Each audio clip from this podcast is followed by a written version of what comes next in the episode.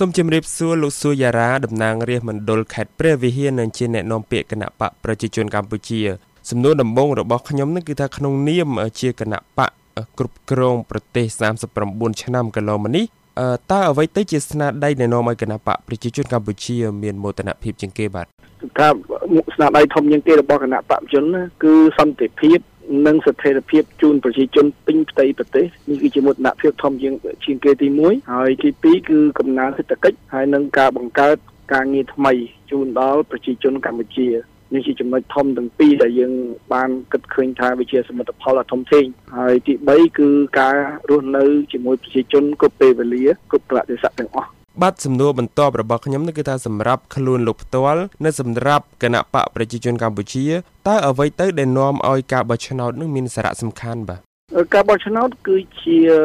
ចំណុចនៃការទៀមទារបស់ប្រជាជនកម្ពុជា ដែលបានសរសេរនៅក្នុងរដ្ឋធម្មនុញ្ញដូច្នេះរដ្ឋធម្មនុញ្ញគឺបានអនុវត្តនៅសិទ្ធិសេរីភាពដែលអនុញ្ញាតឲ្យមានការរៀបចំនៅរបបជាជានិយមសេរីពហុបកអញ្ចឹងដូច្នេះការចូលរួមបោះឆ្នោតរបស់ប្រជាជនគឺជាសេរីភាពដែលបានអនុម័តហើយនឹងផ្ដល់ជូនដោយច្បាប់ហើយជាសិទ្ធិស្វ័យសម្រេចរបស់ប្រជាជនម្នាក់ម្នាក់លោកស៊ូយ៉ារ៉ាមជ្ឈដ្ឋានជាតិនិងអន្តរជាតិមួយចំនួនដូចយ៉ាងខាងចលនាសង្គ្រោះជាតិរបស់លោកសំរងស៊ីជាដើមបានចោទសួរអំពីភាពស្របច្បាប់នៃការបោះឆ្នោតមួយដែលអវត្តមានគណៈបកសង្គ្រោះជាតិដែលជាគូប្រជែងនឹងគណៈបកប្រជាជនកម្ពុជាសម្រាប់និយមន័យរបស់គណៈបកប្រជាជនកម្ពុជាតើអ្វីទៅជាភាពស្របច្បាប់នៃការបោះឆ្នោតថ្ងៃទី29ខែកក្កដាខាងមុខនេះបាទ ភាពស្របច្បាប់នៅថ្ងៃ29គឺគណៈបក20ដែលបានចុះបញ្ជីដោយស្របច្បាប់តាមច្បាប់នៃប្រជាជនកម្ពុជាចូលរួមប្រកួតប្រជែងហើយទី2គឺប្រជាជនកម្ពុជាជាអ្នកសម្រេចវាសនារបស់ខ្លួនឯងដែលជាអ្នកដែលមានឈ្មោះក្នុងបញ្ជីបោះឆ្នោតទី3ចំពោះបញ្ហាដែល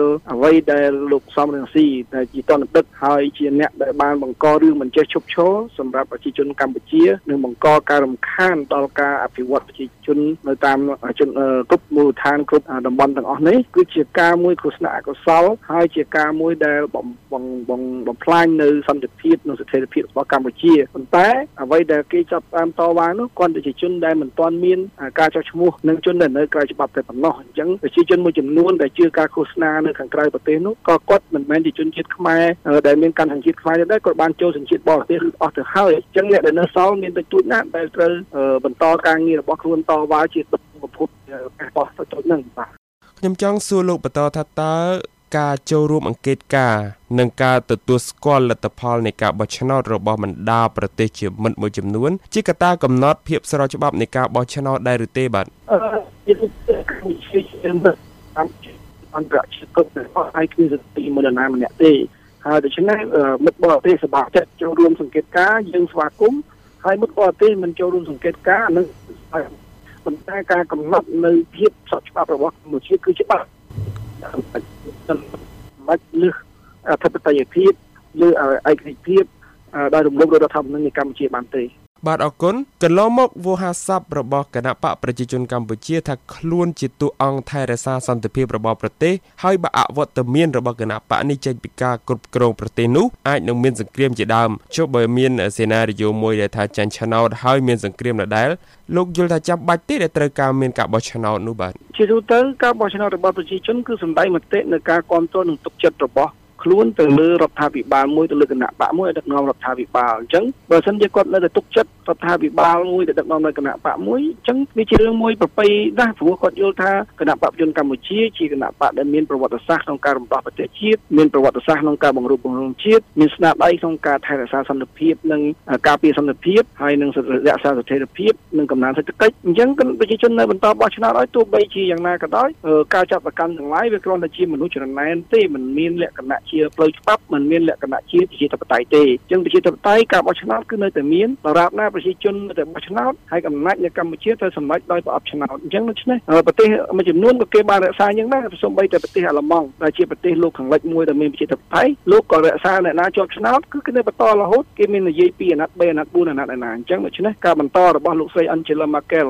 អធិការបតីនៃប្រទេសអាល្លឺម៉ង់គឺបន្តបន្តឲ្យតែប្រជាជនគេនៅទុកចិត្តគេនៅតែកាន់អំណាចដូច្នេះគណៈបកប្រជាជនកម្ពុជាក៏ដូចគ្នាដែរប្រជាជននៅតែទុកចិត្តយើងនៅតែបន្តកាន់អំណាចឧទាហរណ៍ថាបើមានគណៈបកណាមួយអាចជែងឈ្នះគណៈបកប្រជាជនកម្ពុជានៅថ្ងៃទី29ខែកក្កដាខាងមុខនេះនឹងគណៈបកប្រជាជននឹងគិតយ៉ាងដូចម្ដេចវិញបាទ អានឹងជាការសម្រេចរបស់ប្រជាជនយើងស្វាគមន៍ដោយព្រោះគេបានចូលរួមប្រកួតដោយត្រឹមត្រូវតាមច្បាប់ចុះតើគណៈបកប្រជាជនកម្ពុជាអាចនឹងប្រគល់អំណាចដោយសន្តិវិធីដែរឬទេបាទគោរពទៅតាមច្បាប់នៃប្រជាជាតិកម្ពុជាអញ្ចឹងយើងមិននិយាយអ្វីទាំងអស់ក្រៅពីគោរពទៅតាមច្បាប់និងអ្វីដែលជាការសម្រេចដោយប្រអប់ឆ្នោត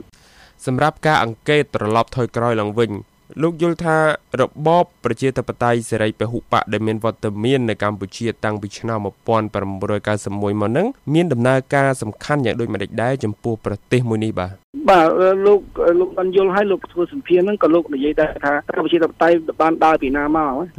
ប្រជាធិបតេយ្យយើងដើរមកយ៉ាងម៉េចខ្លះយើងគិតថាពី91ប្រជាជនយើងពី91ក៏ដោយពី93ក៏ដោយយើងរាប់ពីរាប់មានរដ្ឋធម្មនុញ្ញមកនេះប្រជាជនយើងពីកាលសម័យនោះគឺយើងរកប្រាក់ចំណូលមិនបាន50ដុល្លារទេក្នុងមួយខែសម្រាប់កម្មករក្រោម30ក្រោម50ដុល្លារគឺថាខ្ទង់30ដុល្លារទៅ40ដុល្លារឥឡូវនេះប្រាក់ខែអបបរមាយើងឡើងដល់170ដុល្លារហើយអញ្ចឹងបានន័យថានឹងជារឿងតូចមួយនៅក្នុងចំណោមរឿងនៃធំធំរបស់ប្រជាជនត្រូវការតូចមែនសម្រាប់បុគ្គលណាមួយដែលនៅក្រៅប្រទេសដែលមិនបានដឹងពីស្ថានភាពកម្ពុជាអញ្ចឹងចំពោះយើងយើងអ្នកដឹងកម្ពុជាបានដឹងថាសម័យនោះយើងប្រាក់ខែប៉ុន្មានមន្ត្រីរាជការប្រាក់ខែប៉ុន្មានលោកគ្រូអ្នកគ្រូប្រាក់ខែប៉ុន្មានបុគ្គលិកមន្ត្រីរាជការពេទ្យប្រាក់ខែប៉ុន្មានហើយឥឡូវនេះយើងអាចឃើញថាតើហេតុថាយើងសម្ព័ន្ធ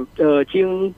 ប្រហែល10000គីឡូនេះដែលជាង20000គីឡូដែលបានធ្វើហើយនេះយើងមកពីអីមកពីសន្តិភាពនិងស្ថិរភាពមិនអញ្ចឹងយើងអត់មានផ្លូវយើងអត់មានមន្ទីរពេទ្យអត់មានសាលារៀនទេអញ្ចឹងសន្តិភាពនិងប្រជាធិបតេយ្យមានសារៈសំខាន់ណាស់សម្រាប់កម្ពុជាចុះបើឲ្យរើសរវាងលំដាប់ឋានៈនៃភាពសំខាន់តើលោកយល់ថាមួយណាសំខាន់ជាងរវាងសន្តិភាពនិងប្រជាធិបតេយ្យបាទ អឺទីមួយធំបំផុតគឺសន្តិភាពនិងស្ថិរភាពនឹងធំមុនគេបើមិនមានសន្តិភាពនិងស្ថិរភាពទេប្រជាធិបតេយ្យមិនអាចរឹងមាំបានទេអញ្ចឹងប្រជាធិបតេយ្យក៏វាត្រូវការពឹងផ្អែកទៅលើគុណភាពប្រជាធិបតេយ្យមិនមែនគុណភាពប្រជាធិបតេយ្យខ្លាំងខ្លាយហើយតែគុណភាពនោះទេអញ្ចឹងប្រជាធិបតេយ្យដែលមានពិតប្រាកដគឺជាប្រជាធិបតេយ្យដែលគោរពទៅតាមច្បាប់នៃប្រជាណាចក្រកម្ពុជាហើយគ្មានការសុំកលុំជាមួយនឹងបរទេសទៅថ្ងៃអនាគតខាងគណៈបករបស់លោកប្រមាលមើលការអនុវត្តលទ្ធិប្រជាធិបតេយ្យក្នុងរូបរាងយ៉ាងដូចម្តេចដែរបាទ ជាបុគ្គលខ្ញុំខ្ញុំយល់ថារដ្ឋធម្មនុញ្ញនៃប្រជាជាតិកម្ពុជាមានតម្លៃលើសលប់ទាំងអស់អញ្ចឹងដូច្នេះគណៈបព្វជនកម្ពុជានៅតែគោរពរដ្ឋធម្មនុញ្ញគោរពតម្លៃនៃជាតិសាសនាព្រះមហាក្សត្រសំណួរបន្ទាប់របស់ខ្ញុំនេះខ្ញុំចង់សួរលោកថាតើលោកយល់យ៉ាងណាដែរចំពោះការពហិការ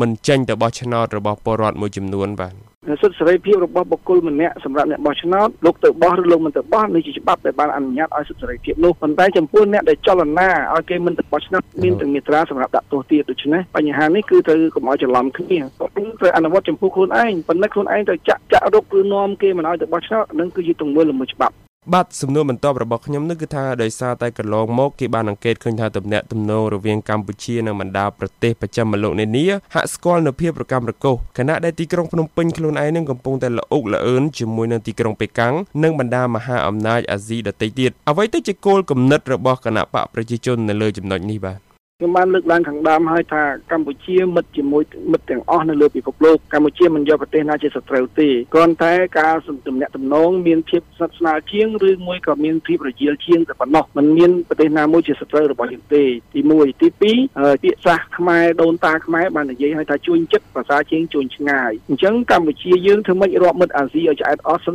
យបានគ្រប់គ្រាន់សិនទៅហើយដូច្នេះចំពោះមិត្តខាងក្រៅក៏យើងមិនបានប្រឡែងគាត់ដែរយើងនៅតែបន្តទំនាក់ទំនងល្អហើយយើងនៅតែនិយាយរកគេគ្រប់គ្នាទាំងអស់អញ្ចឹងដូច្នេះអ្វីដែលគេនិយាយថាយើងបែងចែកលោកខាងលិចលោកខាងកើតហ្នឹងមិនត្រឹមត្រូវទេបាទយើងនៅតែអនុវត្តអញ្ចឹងយើងអត់មានបដិសេធប្រទេសណាមួយផងសូមអរគុណលោកសុយារ៉ាបាទបាទអរគុណ